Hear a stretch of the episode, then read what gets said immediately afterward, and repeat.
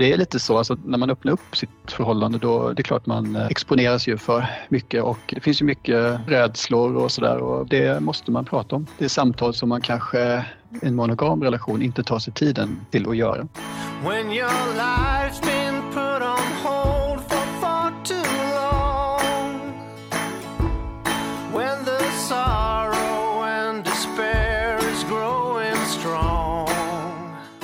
Och välkomna till ett nytt avsnitt av Bortom ekorrhjulet. Skulle du inte säga hej älskling?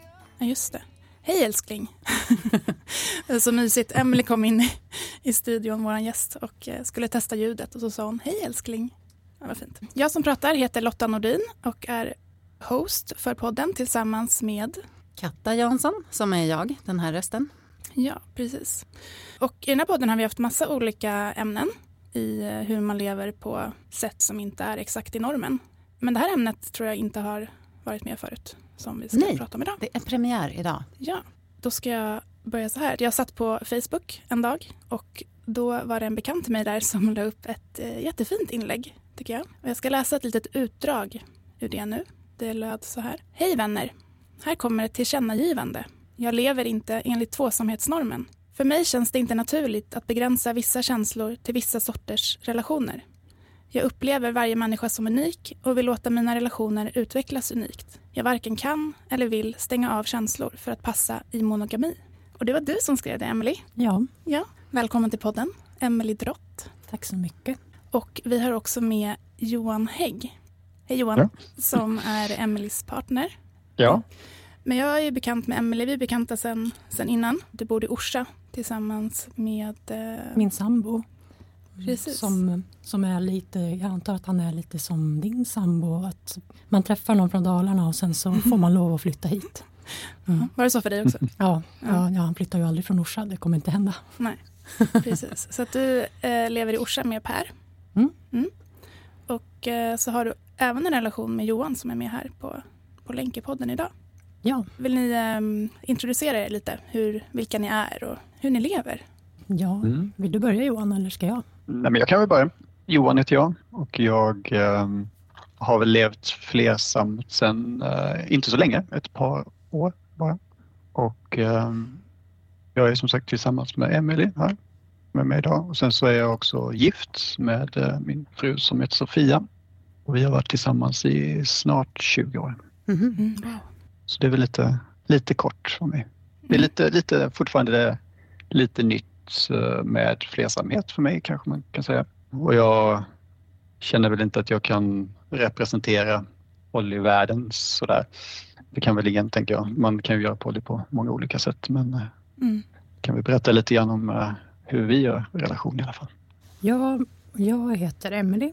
Jag bor som sagt utanför Orsa. Jag vet inte riktigt hur det började att jag inte levde monogamt. Men jag har egentligen aldrig haft en riktigt normativ inställning till hur relationer bör vara eller göras. Så jag tror att jag... Det började med att jag ifrågasatte eh, varför vänskapsrelationer är så lågt prioriterade.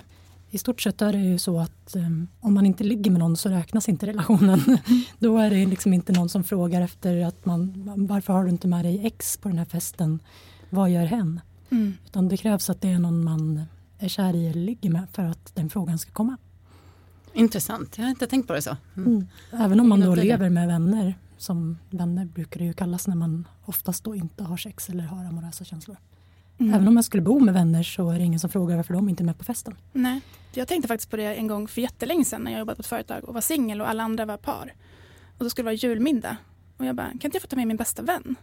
Och de bara, nej det är klart du inte får. Jag bara, men varför får jag inte göra det? Det är lite så då. Då låg inte ja. vi med varandra så då fick inte hon vara med. Nej, uh, precis. Ja. Det är ju många som har varit gifta länge och ändå inte ligger med varandra. Så man kan ju verkligen undra vad det är för kriterier. Ja. ja. men lite så började det väl. Jag också levde i ett ganska normkritiskt sammanhang med ja, men ganska progressiva personer. Så det var inte så konstigt då. Jag bodde i Uppsala. Det är en akademikerstad, någonting helt annat. Kanske en, en annan kultur än vad som finns i Orsa. Sen så spola fram, spola fram många år. Jag träffade Johan för drygt ett år sedan. Och då började det kännas eh, ja, men som att Ja, det började, det liksom, vi dras ju till varandra och vi utvecklar en relation. Till slut så, jag har ju gjort så att jag har inte riktigt kommenterat mina relationer så mycket för omvärlden. Jag har inte sagt hur jag gör eller inte gör. Folk, om man inte säger någonting, då antar folk att man lever enligt norm. Det spelar liksom ingen roll hur många gånger de ser en med en så kallad kompis göra olika grejer, gå och Mm. handla ihop eller vad det nu är. De kommer alltid tro att det bara är en kompis eftersom man har en sambo och då förstår man ju att eh, det är bara den man har en kärleksrelation med. Du och Per har, hur länge har ni varit ihop? Eh, vi har varit ihop i, ja, sedan hösten 2012, vad är det, 11 år. Men ni har haft en öppen relation eller hur man ska...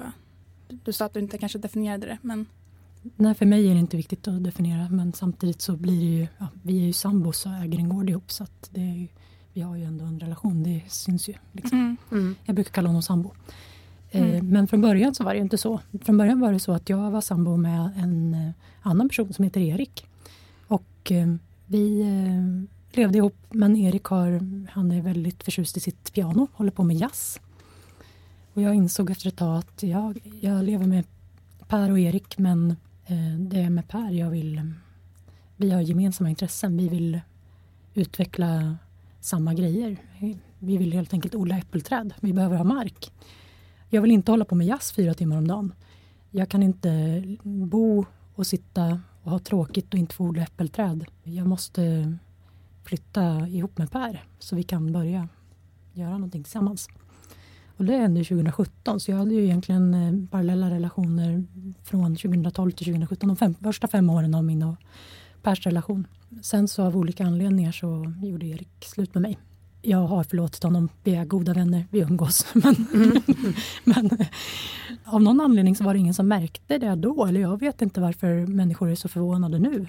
Fem, fem år av att ha två kärleksrelationer och ingen verkar ha märkt det. Ingen har frågat eller? jag vet inte. Bodde ni i Orsa allihopa? Alltså, nej, nej, eh, jag bodde ju på vischan i en annan ort som Ah, heter okej. Bredsjö Mm. med Erik. Ja, men i alla fall. Sen jag träffade Johan så kände jag att jag behöver kanske skriva på Facebook och liksom klargöra att eh, Johan är inte bara en kompis. För att det blir ju också, det kan ju uppstå olika konstiga liksom, situationer. Om, jag, om någon träffar mig som känner mig och min sambo och så träffar de mig med Johan och så helt plötsligt så ser de mig pussa honom. Liksom. Då, då antar ju alla att jag, här är någonting jädrigt fel. Antingen har jag, sen de såg mig sist, gjort slut med min sambo eller så är jag otrogen. Mm. Och då blir det ju liksom kris och panik. Är, man vill inte lämna människor i den eh, ovissheten. För det kan ju vara väldigt obehagligt för dem. Så därför skrev jag det här inlägget. Hur togs det emot då? Ja, 300 pers gillade direkt. De blev ju glada att de kanske har chansen, tänker jag. Exakt, det är så det måste vara såklart. Här finns det en öppning. Men det Ja. var väldigt många fina kommentarer. Ja, ja, det är ju så. Och så tänker jag också att naturligtvis är det så att det är de som tycker att det här är okej som kommenterar. De som är arga eller äcklade eller har olika problem med det här, de skriver nog ingenting. Kom det, kom det några frågor kring Mm. det? Sådär, jag tänker kanske privata, men Ja, några har nog liksom så här, "Ah." Det kom en fråga om du vill vara med i en podd. ja, precis. ja. Nej, men det, när jag träffar på folk så, så har väl någon kommenterat lite så, men inte förvånansvärt lite. Det var nog inte jättemånga som var jätteöverraskade kanske. Sen är det naturligtvis så att vi har ju människor som står nära oss som inte tycker att det här är ett bra val. Som, är- men man eh, kan inte göra alla nöjda. Det är så att eh, vuxna människor får leva som de vill och det är ju inte upp till någon annan att känna hur jag och min sambo eller min partner ska leva. Nej, det är ju inte det, men det verkar vara svårt för många att ta in. att det faktiskt inte är deras bekymmer. Mm. Men det kan också grunda sig i att eh, alltså dels kan det ju vara rädsla och att man, det är jobbigt när andra människor gör andra val som man kanske blir förvirrad av på något sätt. Men det kan ju också vara av kärlek att de tror verkligen, människor kan tro att det här kommer verkligen inte att fungera. Eh, någon kommer bli sårad och då är det klart att de De är oroliga. De är oroliga och Mm. de bryr sig och det är därför. Men de har inte alls koll på hur vi gör våra relationer. Om vi inte kunde kommunicera, om inte vi hade pratat jättemycket och varit nära varandra, då hade ju det här inte fungerat så bra.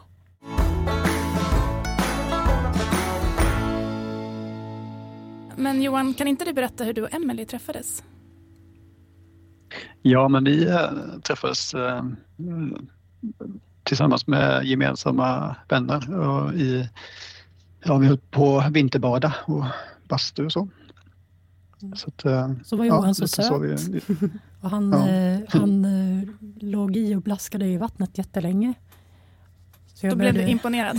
Jag blev impad, det var det. Ja, ja. Johan hällde ut extra länge för att imponera.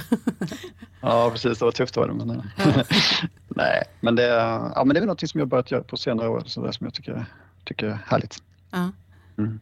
Så lite på den vägen. Sanningen är att jag blev ju lite orolig för dig för att jag tänkte så här, men vart tog han vägen nu då? Ska han aldrig gå upp? Men, ja. Du har koll på läget. Men då, det, det klickade på något sätt då, då, och sen så höll ni kontakt eller hur? Ja, sen har vi... Mm. För ni bor ja, ju ganska långt men, ifrån varandra. Ja, jag bor ju i Örebro. Så det är ju ett litet, eh, en liten bit. Ja. Och så jobbar Emelie i Borlänge, så det är oftast där som vi ses. Men hade du öppnat upp för eh, polyrelationer då, Johan? När ni träffades? Ja, men det hade jag. Det hade jag. Så att jag jag visste ju att det liksom, ja, så kan man också göra i relationer. för det har varit eh, för mig helt uh, okänt innan. Liksom. det kanske, jag får kanske gå en tre år tillbaks i tiden. Lite drygt uh, som jag snubblade över, att, uh, över begreppet poly. Jag vet inte varför inte jag känt till det tidigare. Sådär. Men, men det var ju, i och med det så var det alltså, ja, men mycket som föll på plats i hur, hur jag har känt för andra människor i perioder och eh, men haft ganska dåligt samvete för vad jag har känt också liksom, och, och tänkt att ja, men, så här ska man inte känna liksom, om man är gift och lever i en, en relation. Utan, eh, mm. mm. Då är det ju kanske symptom på att någonting är fel eller något saknas och sådär. Så det var, sånt har jag brottats med under ja, men ganska många år från till. Sådär, liksom. men, eh, det måste ha varit en stor var... lättnad att, liksom hitta det. Ja, det var en begrepp. lättnad och eh, sen, ja, men det är en tuff sak att och, och ta upp såklart för sin partner. Men jag och Sofia vi har alltid pratat med varandra på ett bra sätt och det blev en väldigt bra, ett bra snack och uh, starten på något väldigt bra oss emellan.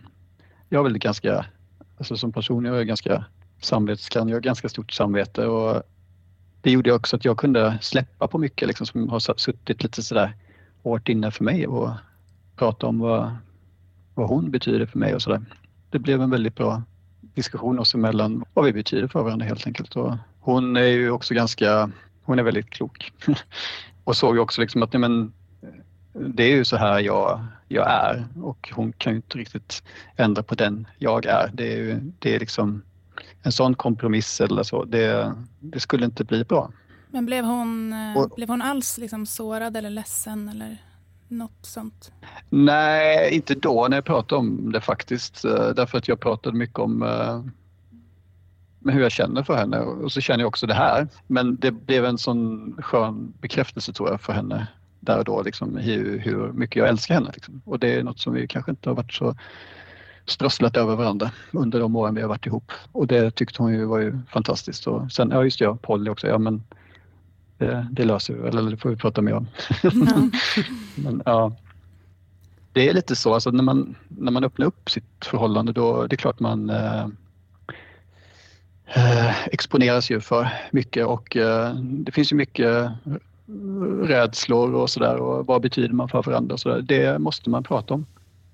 Och det, det är samtal som man kanske ofta är i en, eh, en monogam relation inte tar sig tiden till att göra. Utan man, man lutar sig lite ofta på, på det här ramverket som mm. är i att leva i ett monogamt förhållande. Man behöver inte liksom, äh, prata om allt det där jobbiga, hur man ser på andra, vad man känner liksom, och sådär. Utan att bekräfta varandra, att uh, tala om vad man betyder för varandra blir ännu viktigare uh, när det finns andra med i bilden också. Mm. Aldrig tänkt på det så. Och sen, men... sen, sen, nej, sen så är det också, uh, vi har väl alla med oss gamla grejer också, i, alltså anknytningsmönster och sådär. Liksom, det är inte alla av oss som är jättetrygga. Liksom, och, sådana saker får man också eh, brottas med och, och Mm. bearbeta i sig själv för att men, bli tryggare. Både i sig själv men också med sina, sin partner eller partners. Men tror ni att ni har em, extra trygga anknytningar som kan leva så här eller är det någonting som man kan träna upp? Det kan man väl absolut eh, bli tryggare i. Nu är ju Emily en eh, väldigt trygg person. och eh, ja, det vill jag också och Sofia också till viss del. Men det är klart att man har vissa, vissa anknytningsmönster som är lite mer kanske otryggt. Mm. Eh, Du satt och, och log lite, fnissade lite här Emelie. Vad hade du för tankar kring det? Ja, nej, men vi har, vi har eh, läst mycket och pratat mycket om just anknytningsmönster. Ja, vi har eh, gemensamma bekanta som bor i Isunda tror jag. Eh, som har föreläst och skrivit bok om detta. Hur kommer det sig att du är så trygg då? Vet du det? Eller har det alltid varit så? Ja. Nej, jag, har, nej, men jag har en underbar mamma som har varit viktig för mig. Och eh, jag tänker att om man kommunicerar och eh, visar människor att man älskar dem eller vad de betyder för en så kommer eh, det mesta löser sig. Det, det är ju sällan som relationer kraschar och kollapsar och försvinner. Jag har också väldigt, jag har liksom få erfarenheter av till exempel att vara ovän med mina ex. Jag har knappt något ex jag är ovän med. De är jättefina människor, det är ju därför jag valde dem en gång i tiden. Sen av olika anledningar så kanske vi inte passade så bra ihop eller utvecklades inte åt samma håll. Det är ju någonting annat. Men sen har jag också inte, jag kanske inte har stannat med någon bara för att. En del gör ju så att de stannar med någon bara för att. Till den gräns att båda två är så himla trötta på varandra så man knappt orkar se varandra. Eh, så har jag liksom inte gjort så kanske därför jag gillar dem. Ja, det har inte hunnit gå till bitterhet. Nej. Men jag tänker... Ja, men det, är väl också, det finns ju också ett, en aspekt liksom av flersamhet som är lite intressant tycker jag. Liksom att man, I hur man kan vara öppen på, för människor på olika sätt. Liksom Dels nya alltså, människor som man träffar. Eh, En ny person behöver inte eh, fylla en, eh, en lång lista kriterier som om man bara måste välja en. Men det är också så alltså att om man avslutar sin relation så, behöver den kanske, så kanske man inte behöver klippa banden helt och hållet som man kanske, kanske många gånger gör med ex annars. Det är obegripligt för mig. Varför ska man... eh, Alltså, eh, det är en väldigt konstig norm.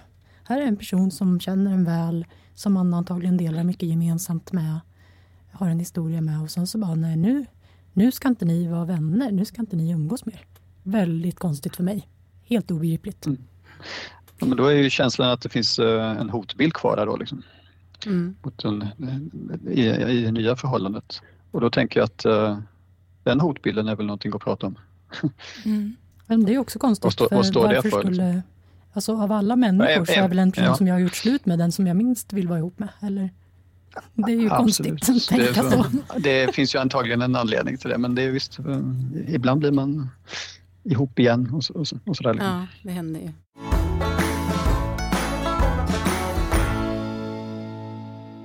Är det då, det här med svartsjuka och hur håller man det borta? Eller det kanske man inte gör. Det kanske dyker upp och så pratar man om det eller? Det är ju vi, Man kan ju inte prata generellt för alla som inte lever tvåsamt. Men det jag vet från det sammanhang som ändå finns, det, det finns ju liksom, ja, vi har ju mycket vänner som lever icke-normativt också. Det är, man kan säga att folk är väl ungefär lika svartsjuka som alla andra, eller inte svartsjuka. Det har egentligen inget att göra med det hela. Man kan vara helt monogam och ändå vara helt sjukt svartsjuk som ni Mm. vet. Oh, ja. Man, Mm. då, en sak som händer om man är helt monogam och helt sjukt svartsjuk och inte kan se sin partner träffa sina ex eller ännu värre inte kanske kan släppa iväg sin partner på fester själv eller vad det nu är för något. Då behöver man ju i en monogam kontext aldrig möta det, arbeta med det och komma vidare som man antagligen behöver i en flersam kontext. Mm. Man behöver nog det men eh, man tvingas inte till det kanske. Nej, precis. Det är väl skillnaden kanske. Ja. Mm. Det brukar ju sluta med att den ena inte orkar längre och försvinner men då börjar man kanske en ny relation fortsätter Ja, eller så slut, Mm. sluter man relationen och anpassar sig så efter varandra och uh, lever ett uh, ja, lite stympat liv Ja. kanske. Mm. Man sitter Okej. ihop i höften lite grann. Och det tänker jag att det, det är inte så, så nyttigt för någon relation. För att kunna älska någon så måste man ju vara en person. Man kan inte vara en del av den andra personen eller liksom sammanblandad. Ni vet, par som inte, tyck, inte kan säga så här jag tycker, utan vi tycker. Mm. Eller använder mm. likadana träningsoveraller och aldrig kan göra någonting utav varandra. Nu ska inte jag säga något för jag har ju likadana kläder som min sambo. Men... Dyker det upp ändå den känslan av svartsjuka och, och hur, hur pratar ni om det i så fall? Jo, men det gör det ju. Nej, men nyckeln är väl lite att ha en, eh, en bra dialog helt enkelt med varandra. Eh, svartsjuka och andra jobbiga känslor, det kan ju finnas eh, ja, många jobbiga känslor i alltså, som man brottas med oavsett om man är i en, en relation eller inte med någon annan. Liksom att, skam till exempel, det kan vara jättejobbiga känslor. Alltså, jag tycker ju att det är ju det är spännande också att se på de känslorna därför att det är ett uttryck för någonting. Det står ju för någonting. Och jag tror att uh, den approachen är ganska bra att vara nyfiken på det som är jobbigt för att ja, men kanske lära sig någonting om sig själv och förstå vad, ja, men vad är det jag känner, vad är det jag saknar och varför känner jag så här? Ja, det, står, det är ett behov som kanske inte mm. är mött som därunder. Och handlar det om att jag känner mig osäker på vad jag betyder för min partner men då kanske jag behöver en, någon typ av bekräftelse att jag är viktig och inte sämre än någon annan liksom, utan att jag är, ja. ja. Och det är väl ofta osäkerhet liksom det där. Ja, och egentligen är det lite konstigt för att man har ju jättemånga vänskapsrelationer ofta.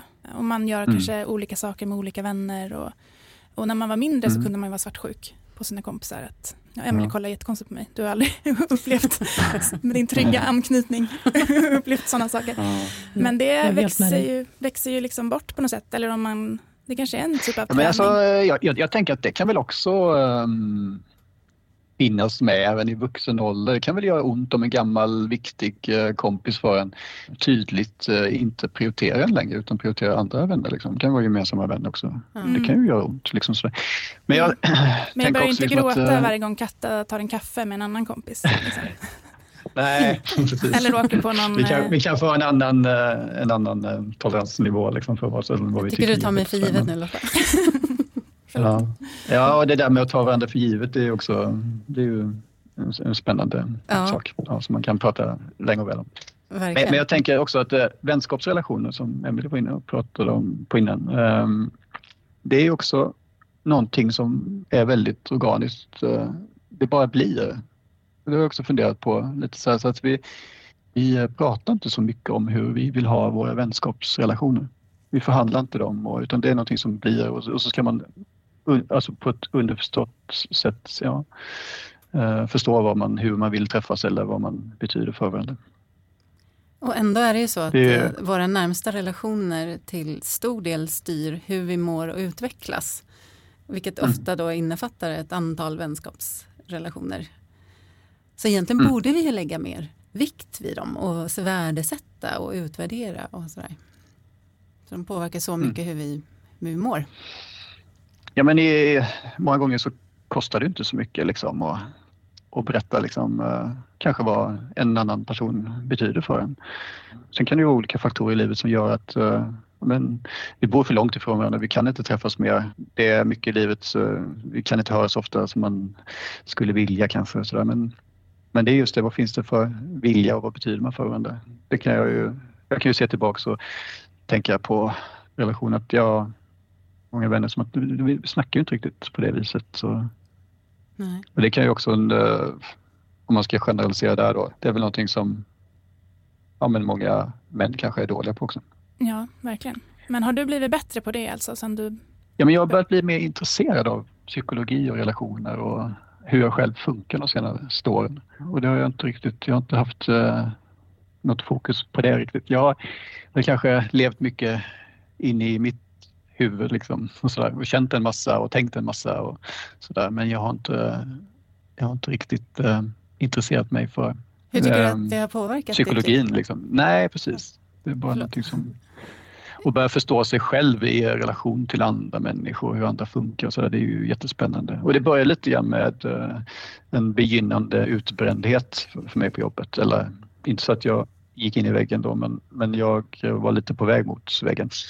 Så då tänkte jag att ja, men jag, jag behöver nog uh, bena lite grann i hur, hur jag liksom ja, jobbiga saker med uh, jobb och annat i, i livet. Liksom mm. Och det var väldigt nyttigt. Att förstå sig själv kanske i en lite större kontext. Så att, uh, ja, men alla funkar kanske inte så här. Man, man har bara sig själv som referens. Liksom. Det, det, det, var väldigt intressant. Lite startskottet lite kanske på den här resan också. En lite så praktisk fråga mitt i allt. Eh, men hur gör man då? Du kom på att du nog ville leva polyamoröst. Pratade mm. med Sofia, din fru. Och sen då? Vad gör man sen? Går man ut på stan och så här? Eller hur? Äh, ja, men som det var för oss då. Jag kan ju bara tala om hur det var för oss. Var, alltså vi pratade ju väldigt uh, länge om det här så att jag började inte dejta någon för något, ja, säkert en, uh, över ett halvår senare. Liksom. Eller det var ännu mer, kanske en åtta månader. Så.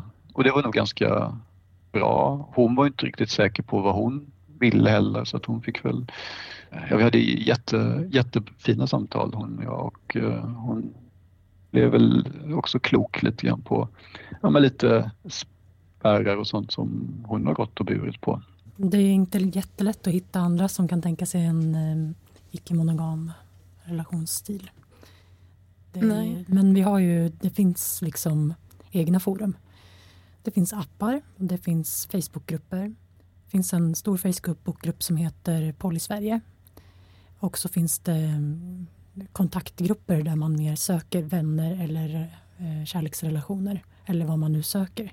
Det finns inget så här, om man bär en eh, regnbågsfärgad scarf i, alltså inga så teck, hemliga tecken. Ja, men vi har lite hemliga tecken ja. också. En del använder pi, många använder evighetssymbolen med ett hjärta. Ah. Eh, det finns också en flagga, en prideflagga, speciellt för flersamma. Typ en prideflagga. Ja. Men det är ju ingenting som typ någon känner till. Så det, det, det värsta är ju att eh, om man är öppen för andra människor så är det ju stor risk att man blir förälskad i och jätteintresserad av någon som vill leva monogamt. Så det finns ju stor mm. risk för hjärtesorg i det här. Det gör det. Ja.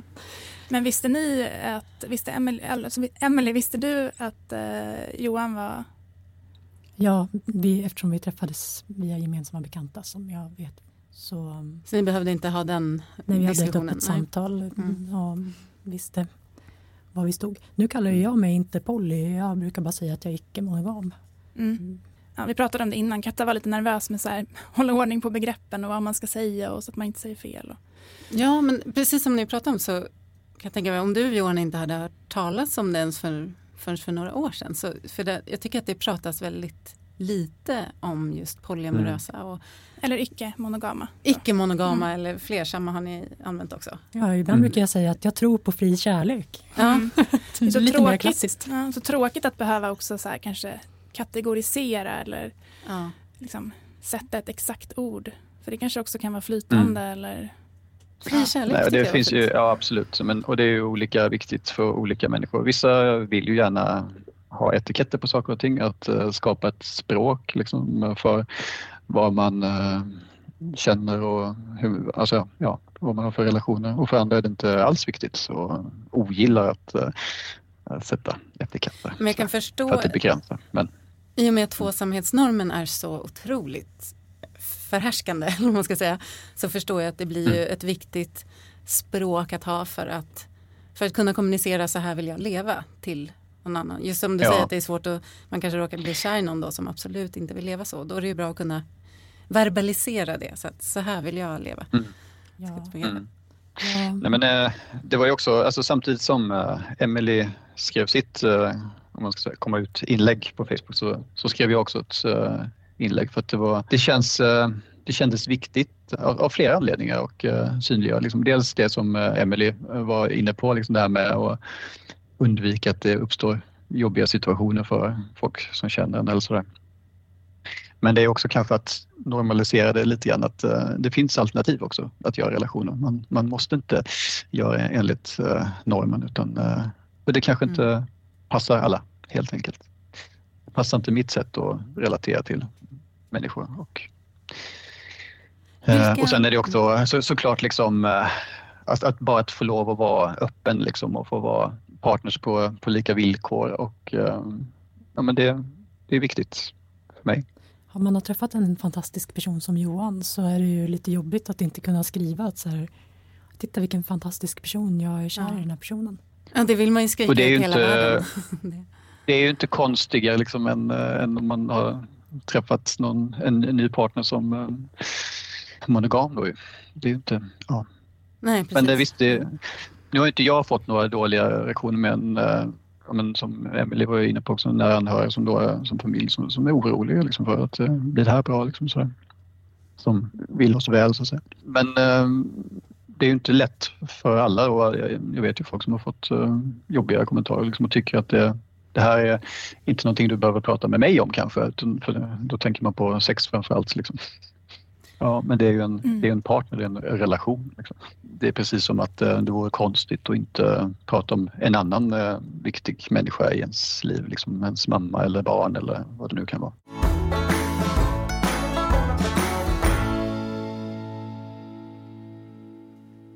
Vi är så stolta och glada över vårt nya samarbete med en sajt som heter Bo och jobba vid Siljan, bojobba.se. Det kanske är några av er som ändå har blivit lite intresserade av att eventuellt flytta till Dalarna och jobba och bo här. Och då är den här sajten helt perfekt, för då kan man gå in och läsa lite olika reportage om andra som har gjort den här resan, som har flyttat hit. Det finns länkar och reportage om spännande arbetsplatser, om eh, bostadsförmedlare, om utbildningar och vad man kan göra på fritiden. Bo och jobba vid Siljan är en undersida till någonting som heter Siljan News, som är en eh, nyhetssajt som är helt gratis, där man också då kan gå in och kika lite på vad som händer här uppe i Dalarna egentligen. Så tack till bojobba.se. Här skulle vi också ha pratat lite om vår inspirationshelg på Myrängsgården. Men vet ni, alla platser bokades på ungefär en vecka. Tack för det alla ni som har bokat. Vi har planerat en så himla fin helg till er. Är du sugen på att komma ändå så är det kanske inte helt kört. Mejla oss på hej så sätter vi upp dig på väntlistan. Vi passar också på att tacka Myrängsgården, Ann-Sofie Forsmark och Oxy Group och så ballett och yoga i Mora som kommer hjälpa oss att göra det här till en helt otrolig helg.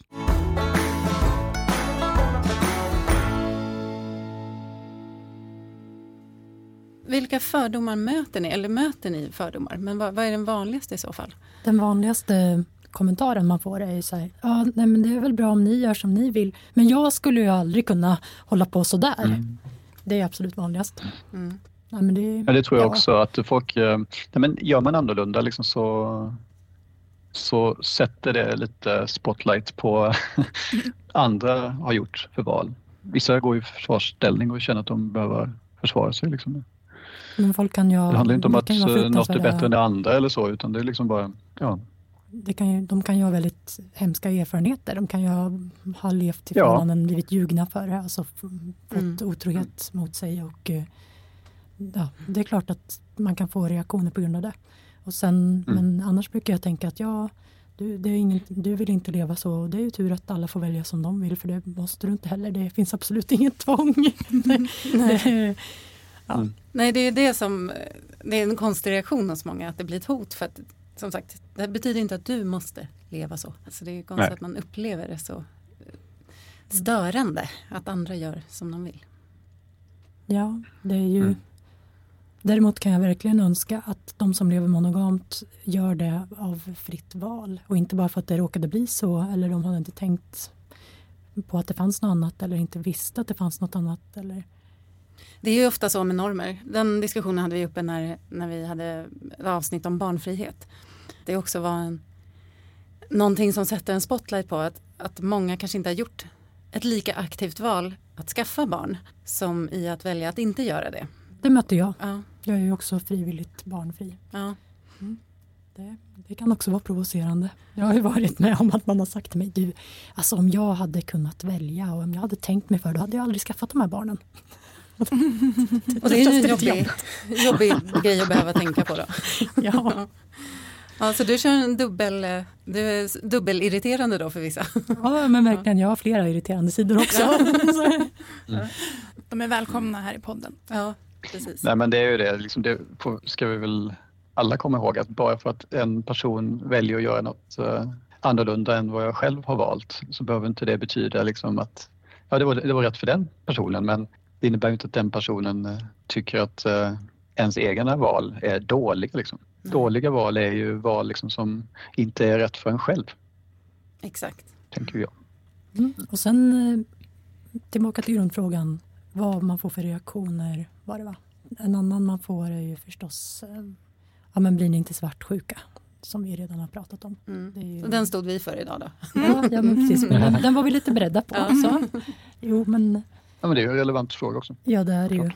Och hur är det, jag tänker om, ehm, det kanske går upp och ner och, alltså, det går ju alltid upp och ner i relationer. Att vissa perioder så är det bättre och sen är det lite sämre och sådär. Blir det mer påtagligt eller blir man mer rädd då om liksom, om Johan, om du märker att Emelie och Pers relation, jäklar vad den verkar bra just nu. Och, blir man rädd att Emelie ska lämna dig helt då? Eller blir du rädd för det? Jag tänker att eh, det kanske oftast inte är gamla relationer. Visst, det kan ju vara som du säger att det, det svänger lite liksom i sådär, men gamla långa relationer, ja. Jag känner nog mer liksom att det är kanske nya personer som kommer in och, och ändrar den dynamiken som vi har, liksom, som ja, men faktiskt kan mm. förändra hur mycket man kan ses. Det är väl kanske en, i så fall en större oro, men ja. Ja, det blir en mm. förändring. Liksom. Mm. Ja, att det blir en förändring i så fall. Alltså, eftersom vi lever öppet så blir det ju också så att eh, Alltså en, en, det som tog mig hit är ju att jag vill låta mina relationer utvecklas åt det håll som just den relationen eh, vill åt så att säga. Och det betyder ju att om jag skulle träffa någon annan intressant person så eh, vill jag ju kunna utforska det som vi bygger, alltså jag och den personen. Sen är det så att jag naturligtvis så tar jag hänsyn till mina befintliga relationer. Det är ju inte så att jag skulle säga, men ja, nu har jag träffat någon ny, eh, hej då, nu, nu ses vi om två år när jag är trött på den här nya. Så skulle jag ju aldrig göra. Som en men, kompis som blir galet nykär och försvinner. Ja, men precis, ja. som ibland kompisar faktiskt gör. Mm. De dumpar en medan de är nykära i alla fall ett år. Ja. Och sen, ska, sen skaffar de barn efter tre år och då är man dumpad igen. ja. Nej men så, alltså som det är nu. Jag... Det, vi har ju, jag har en sambo och jag träffar Johan och jag har ett jobb också. Jobb är ju väldigt jobbigt att ha. Men jag har ett jobb. Eh, det gör ju att skulle jag träffa någon ny nu, jag har inte varken tid, men sen har jag också inte heller känslomässig kapacitet att gå in i en förälskelse nu. Det skulle bli kaosartat inne i mig. Så att, mm, jag tror att om man ska leva flersamt så måste man ändå känna sina gränser. Man måste kunna se att eh, många öppnar upp, hittar flersamhet eller polyamori och känner sig som att de är på grönbete, träffar jättemånga nya människor och blir helt överväldigade och kraschar. Liksom man får ta det lite lugnt med sig själv. Mm. Och man har inte tid att ha hur många djupa relationer som helst. Det har man inte med vänner heller. Nej. Man kan inte ha jättemånga nära vänner utan det blir några få som man fördjupar. För dig, är det, är det två relationer som du tror är max? eller man ska säga. Ja, men sen är vi pensionär kanske, det får vi se. Ja, då öppnar det upp sig nya möjligheter. Nej, men, men sen kan man ju, om man om man bygger sina relationer medvetet och inte efter en norm, då kan man ju också ha relationer som är mindre frekventa, kanske som inte är någonting man skulle kunna kalla bärande relationer eller anknytningsrelationer, utan som är någonting, ja den här personen är jättespännande på grund av det här och det här mm. anledningen. Vi utvecklar, vi pratar om det här, liksom någon sak som, inte vet jag. Det kan ju vara turskidåkning man håller på med med någon som man kanske träffar bara sex gånger per vinter. Ja, mer intressestyrt eller? Ja, eller att man ja, helt Aha, enkelt få, väljer fåtal att... saker gemensamt kanske som ja. man, man, tycker om den personen jättemycket för. Liksom. Mm. Ja. Alltså det är olika behov. Men äh, mm. ja, man behöver inte, man behöver inte välja att leva. olika saker med, ja. nej. Man behöver inte välja att leva med varje person man träffar. Man behöver inte liksom, ja den här personen eh, har de här positiva egenskaperna men den har de här negativa egenskaperna vilket gör att vi aldrig skulle fungera att kunna umgås varje dag eller bo ihop. Och då måste jag välja bort hela personen. Så blir det inte när man lever icke-monogamt utan då kan man ju ja den här personen är fantastisk att dansa med men typ kan inte städa och eh, jobbar nattskift. Då behöver man inte välja bort personen utan då kan man bara, ja men vi träffas och dansar, det är det vi gör och det händer en gång i halvåret ja, då är det också fantastiskt om man är överens om det. Ja. Jag tänker att det blir mindre irritation också då för att då behöver man inte störa sig så mycket på kanske någonting som ens partner inte kan leva upp till eller vad det nu är. För att det behovet får man tillgodosett någon annanstans. Mm. Ja. Det är ju ganska jobb, jobbigt att vara liksom allt för sin partner också. Det kan man inte riktigt vara.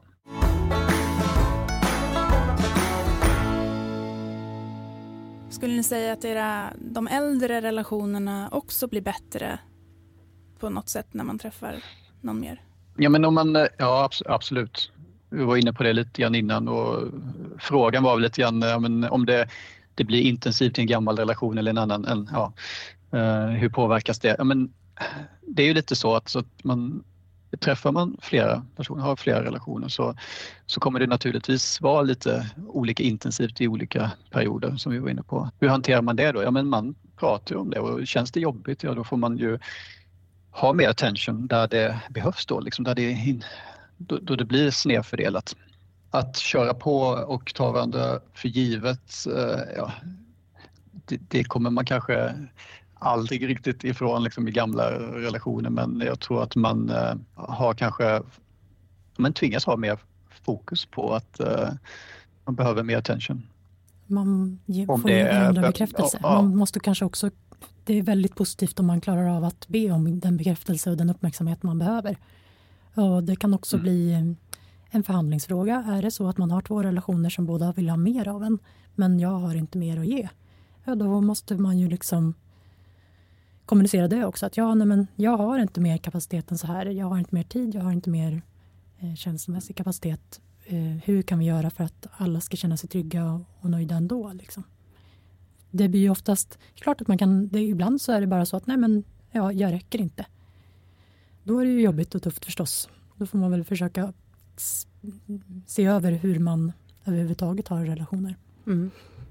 Ja, men ni... annars så är det ju positivt att man överhuvudtaget pratar om det och förhandlar det istället för att bara köra på och ta saker för givet eller strunta i folk man egentligen bryr sig om och så.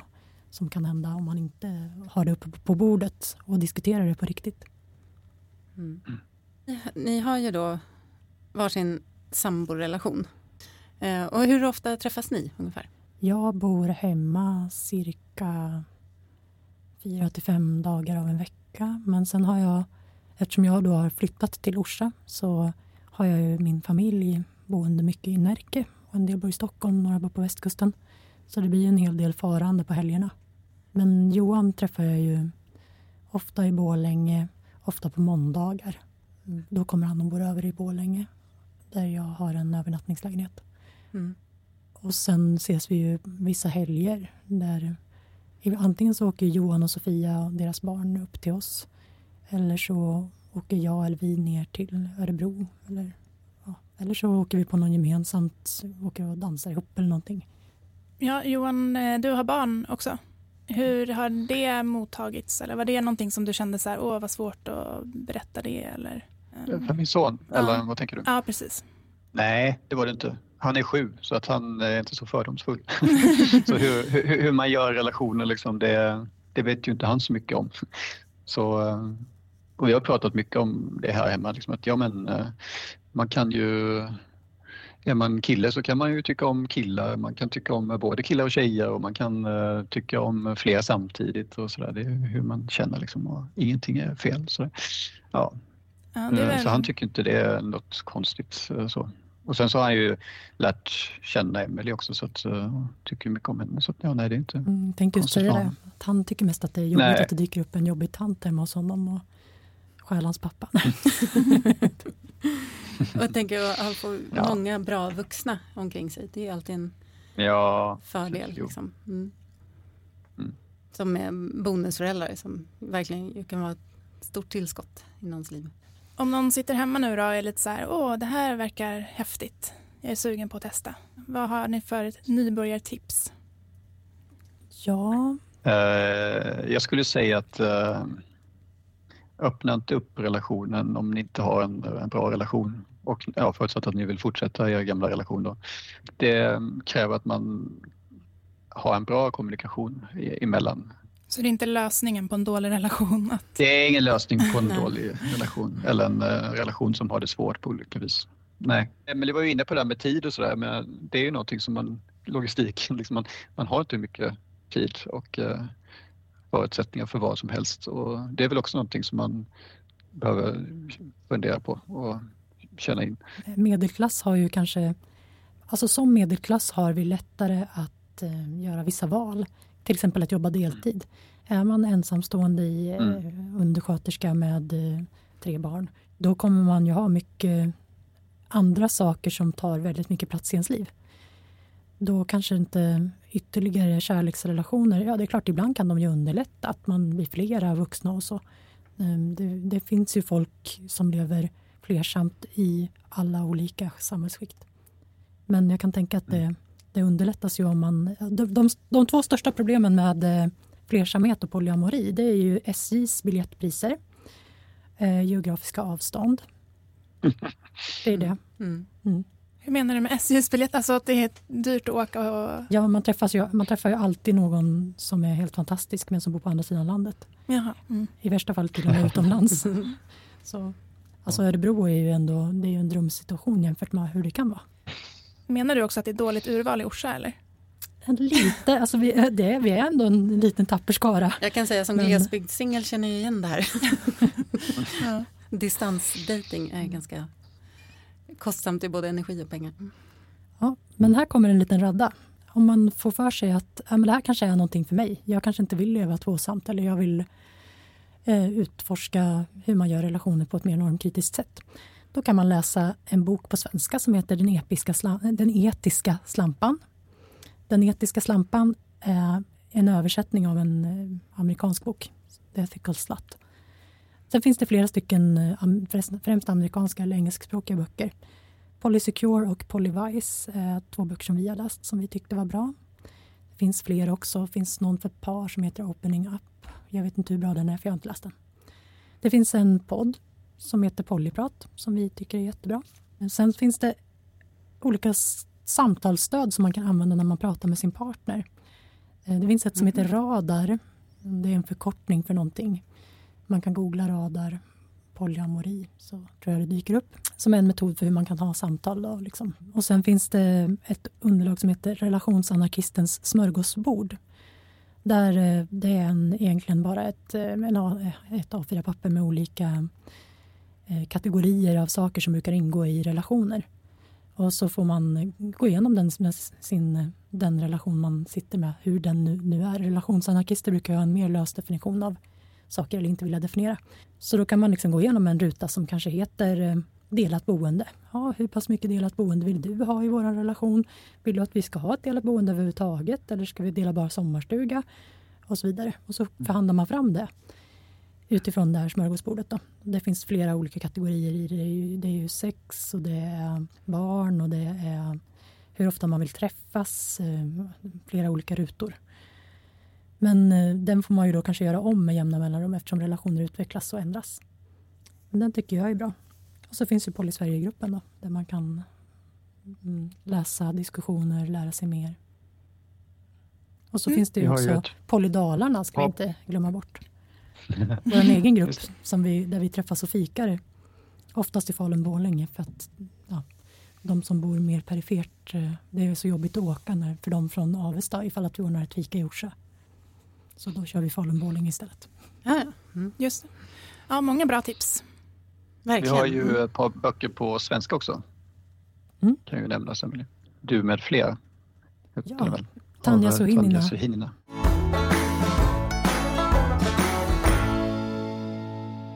Är det någonting annat som ni känner, det här borde folk veta? Ja, hur det här bidrar till mindre ekorrhjul tänkte jag på. Mm. Uh, ja, mm. jag är ju inte mycket för ekorrhjul. Jag jobbar inte heltid. Det gör ju du Johan, du jobbar ju heltid. Det livet handlar om på något vis är ju till stor del um, känslor och relationer. Att få då låta relationer blomma och utvecklas är ju förstås väldigt meningsfullt. Och då skulle jag vilja citera Havamal, eller Havamål. Jag tänker att man ska liksom vända sig till gamla källor. Jag tror att det är vers 47 av den sista delen av versen. Jag tyckte mig rik då jag träffade en annan. Man är mans gammal. Det säger egentligen att eh, det är människor som glädjer människor. Människor blir lyckliga av relationer. Jag skrev relationer är det hem som vi alla längtar till. Att vara i kontakt med sig själv och andra människor. Samarbeta och samleva. Att på något sätt sätta relationer främst mm. i livet. Och inte begränsa dem av normer. Ja. Och sen så, mm, en sak jag missade när vi pratade om fördomar som folk säger eller vad, vad man får för frågor. Det är att eh, Ja men usch, varför, varför berättar du det här för, för mig? Jag vill inte veta något om ditt sexliv. Blä. Och det är ju, för det första så är det ju väldigt sexnegativt, vilket jag tycker är ganska dåligt. Eh, men sen är det också, hade det bara handlat om sex, då hade det inte varit ett problem. Hade det bara varit så att jag ville ligga lite med några andra, då hade jag kunnat göra det i smyg och ingen hade behövt veta om det. Eller det hade ju förstås, eh, det hade jag inte velat göra i smyg heller i så fall. Det är absolut inget fel att bara vilja ligga med andra och det brukar också rymmas under Poly brukar användas som begrepp för alla olika sätt att leva som inte är monogama. Och då ryms ju polysexuella eller swingers också under det paraplybegreppet. Så absolut inget fel för dem som väljer att göra så. Men mitt problem är att, jag, att det här handlar inte om sex. Det handlar om nära relationer. Det här är ingenting jag kan liksom smussla med och dölja. Det blir bara jättekonstigt. Nej, då är vi inne på dubbellivsgrejen och den är ju svår. Ja, mm. nej, men jag tänker att det är som alla kärleksrelationer. Det handlar inte bara om sex utan det är andra saker i. Exakt, för jag tänker att det, det, är en fördom. Många tänker att det handlar om sex eller? Ja, ja. Och det är ju också för att. Eh, eller förknippar det med det.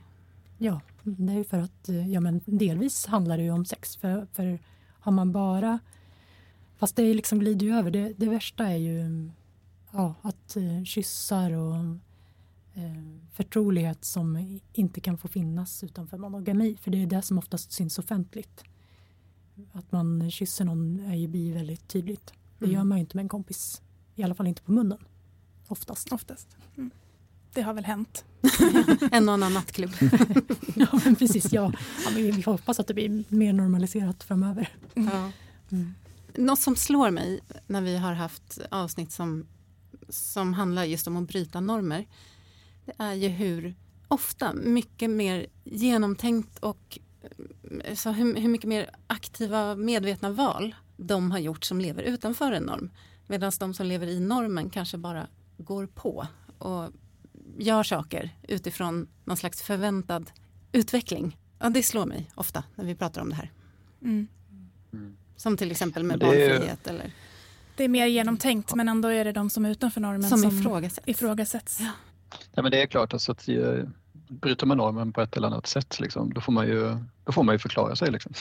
Så att, eh, det har man väl tänkt över ett par gånger. Liksom, eh, ja. ja vad har jag för liksom, belägg för liksom, mina livsval? Liksom, sådär. Men, men sen handlar det ju, och det är ju det viktiga i det hela, det handlar ju om ja, men, vad vill jag själv och inte bara göra som alla andra gör utan att tänka som sagt. Utan, ja. Och det är det vi alltid försöker lyfta i den här podden oavsett vad det gäller. Ja. Vad vill du och vad är bäst för dig? Mm. Så, ja, jag tycker att jag har blivit väldigt upplyst av er. Eh, från att verkligen haft jättedålig koll på den här världen och på det sättet att leva. Jag tycker det har varit jätteintressant ja, att höra er berätta. Det finns, det finns ju mycket att, att berätta om, om det här såklart. Ehm, ja, det har ju varit en, en resa, verkligen. Mm. Det, det, är flera Men, världar. Ehm, det är ju, det, det, det är ju väldigt eh, eh, det är spretigt bland de som inte lever monogamt. Det finns ju de som håller på med tantra. Det är ganska vanligt att ha olika former av kärlek eller sex eller någonting med andra än bara en partner. Mm. Och sen finns det ju swingersvärlden. De, ju, där handlar det ju ofta mest om sex och inte så mycket om kärlek. Sen finns det ju queervärlden. Eh, där man har redan börjat bryta mot någon relationsnorm, ofta då när det gäller vilket kön som den man blir kär i har. Eh, och då blir det lätt hänt att man börjar ifrågasätta flera normer. Och också, där finns det också ofta alternativa familjebildningar och så.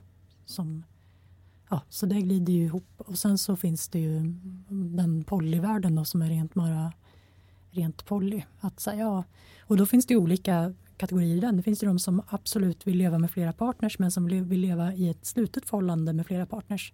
Antingen tre eller fyra, ofta, ofta tre. Man kan ju naturligtvis vara ännu fler och ha slutet förhållande. Det är ju ganska ovanligt. Men och sen de vanligaste är väl som inom poly så är det nog vanligast att man har, har öppen relation för alla som ingår i relationen. Men mm. alltså, det är ju så spretigt så det är ju ja, verkligen. Det är mycket olika ingångar till det här. Mm. Ja. Vi behöver fler avsnitt om det här. Ja. Helt enkelt. verkligen.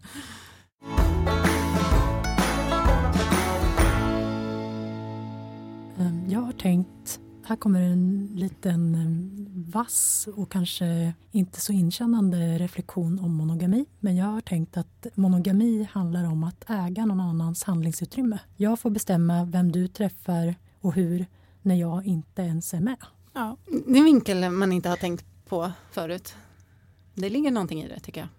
Mm. Nej men jag tänker inte ens ja, försöka det... försvara det för det är ju sant. Så är det ju. Det är en uh och, och, det har jag också känt. Jag har också känt att det finns något lite ja, men, omoraliskt att kräva sexuell eller relationell exklusivitet av en partner. Man, man kan inte äga varandra på det viset. Så uh, vill man det så känns det inte så kärleksfullt. Nej, jag lever ju så här också på grund av att jag vill inte att någon är med mig av någon sorts normtvång utan jag vill att eh, andra ska välja mig och jag vill välja dem. Mm det är ett aktivt val som man eh, gör varje dag. Liksom. Det är därför man är tillsammans. Ja, sen naturligtvis om, om någon är lite dryg i en period så är det ju inte så att jag kommer göra slut om vi har varit ihop i 17 år. Liksom. Det är ju för att man kan zooma ut och ha någon sorts... Eh, man är ju inte helt dum liksom. Utan vissa dagar så har man inte en jättebra relation till varandra men man vet ju att det är en person som jag fortsätter välja. Och det gör jag på grund av de orsaker man nu har till att välja personen. Mm. Och det är ju då inte slentrian eller att det råkade bli så eller att äh, jag orkar inte göra något annat utan det är någonting jag väljer. Agensval är viktigt för mig. Jättefint och bra. Ja, man får en liten tankeställare. Verkligen. Sen är jag så här, ja men man, begräns, eller man har kommit överens om att man ska begränsa varandra men det låter ju ändå inte särskilt mycket finare för det. Samtycke. Ja. ja. ja. Men jag tror det, det är något med det där att man reflekterar inte så mycket. Det, bara, det finns, som ni, ni pratade om det här med en mall. Det finns någon slags förbestämd mall kring just hur tvåsamhetsnormen ser ut och så här ska man leva ungefär. Den bara är så inpräntad i en. Medan när du pratade om att, att det fanns ett stöd för samtal som man skulle ha, mm. alltså, som man kunde använda då. Att det kanske man borde ha för en monogam relation också och verkligen gå igenom de här olika bitarna och inte bara förlita sig på mm. den här standardmallen som som finns. Nej men det är lite sådär, precis. Och mm, ta en funderare på, även om man inte kommer fram till att man vill öppna upp relationen. Varför vill man inte det? Vad är jag mm. rädd för? Är det någonting som vi behöver ta en titt på i vår relation? Nej, men det kan ju vara så att man, eh, vi väljer monogami men eh, det är ju precis lika bra, bra som något annat. Liksom. Eh, men, men, om det är ett utbildat val så att säga. Liksom. Ja. Men är man rädd för saker och ting som när man förstår rädslan gör relationen sämre, då kanske, man, då kanske det är det man ska prata om. Ja, men jag är ju rädd, om jag och Daniel skulle öppna upp vår relation, att han skulle träffa någon som han tycker mer om än mig och då lämnar mig. Och vi har barn tillsammans och då skulle jag bara träffa dem hälften av tiden och sådär. Det kan ju hända nu också. Jo, jag vet. Skillnaden det kan är att om han skulle träffa någon han tycker mer om än dig så måste han göra slut med dig. Men han får det inte det. han inte om ni skulle vara flersamma. Då kan han ha kvar dig också. Ja, okay. ja men då så. Daniel, om du lyssnar nu. Eh, jag har ett litet förslag. ja, men Daniel, eh, jag ringer dig senare. Ja, men jag ska, alltså, vi har ju pratat om det också, men vi har liksom ändå landat i en eh, ganska monogam relation i alla fall. Men vi får väl se vad som händer framöver. Emelie sitter och skrattar nu igen. Ja. Vi får ta ett uppföljningsavsnitt med dig om ett år Lotta. Mm. Och dig också. Ja, ja. All, alla möjligheter är öppna för mig. Jag är singel. Mm. mm. det kan gå hur som helst. Ja. Någonting som jag tycker är lite spännande i möte med nya människor är kanske att vi är ju ganska snabba liksom för att ha en, eh, passa in människor i eh, ett visst format. Ju. Och då ser man eh, att ja, men då blir ju den här relationen på det här viset med den här personen. Men att kunna vara lite flexibel där liksom också och se att ja, men den här personen var inte det jag trodde. Liksom. Men den kan spela en jätteviktig roll ändå på ett annat sätt än vad jag kanske först föreställer mig. Fin tanke och fint förhållningssätt till människor tycker jag. Ja. Och också inte jämföra människor med människor, vilket vi gör när vi behöver välja en Och vi, och vi jämför oss själva också mot andra. Att vi ska vara bäst på olika vis. Vi är olika. Det är ju det som är poängen. Ja, men stort tack till er för att ni kom och ville prata om det här. Jättefint. Jag, tror, jag hoppas och tror att många blir inspirerade och får lite ögonöppnare och förståelse och sådär. Det som jag tycker är så givande är att man får syn på normer som man själv inte har ifrågasatt. Det hoppas jag att många av våra lyssnare har fått med det här avsnittet också. Ja, mm. ja men det är ju lite förhoppningen och också som vi pratade om tidigare, liksom att uh, anledningen att komma ut och ja, men, tydliggöra lite grann. Mm. Så eh, om jag får tillägga en sak bara i det här med Polly som ger mig väldigt mycket. Och det är att jag eh, får möjligheten att använda ett bredare spektrum om vad som är min person. Jag vet inte, Emelie pratade lite grann om det där med att relationer är så viktiga i ens liv. Liksom. Ja, det är kanske det viktigaste, men det är också vem man blir med olika människor. Vi har lite, och för hur man förstår sig själv. Alltså inte bara hur man är med andra utan alltså att hur andra ser på mig. Hur, hur jag får lov att få vara i hela min person helt enkelt. Det är väldigt givande. Olika personer får olika sidor att blomstra. Liksom. Fint. Ja, men alltså att man förstår sig själv liksom, genom olika människors spegling helt enkelt. Uh-huh. Det var något som jag inte riktigt förstod i början. En kompis till mig från Nykterhetsförbundet sa att eh, människor är som nycklar som öppnar olika delar av mm. mig. Så, ja. Det tyckte jag var så vackert. Vilken fin eh, avrundning tycker jag på det här avsnittet. Det verkligen. tar jag verkligen med mig. Ja, och sen har vi eh, en Facebookgrupp som heter Bortom ekorrhjulet, När, var, hur. Där man gärna får gå med. Där finns det massa olika diskussioner om eh, människor ställer frågor och har problem och andra svarar. Och väldigt fint. Folk som är intresserade av att ta sig ut ur ekorrhjulet på olika sätt. Och gå gärna in där och berätta om dina tankar kring det här avsnittet eh, och andra avsnitt eller lufta dina drömmar så kommer du få hjälp på vägen. Och sen blir vi också jätteglada om man vill gå in och gilla podden i olika poddspelare. Prenumerera och tipsa alla du känner som du tror kan ha lite nytta av att lyssna på Bortom ekorrhjulet. Yes. Vi ska tacka Epidemic Sound och Sven Karlsson också för den fina musiken. Tack och hej! Tack och hej! Hej då!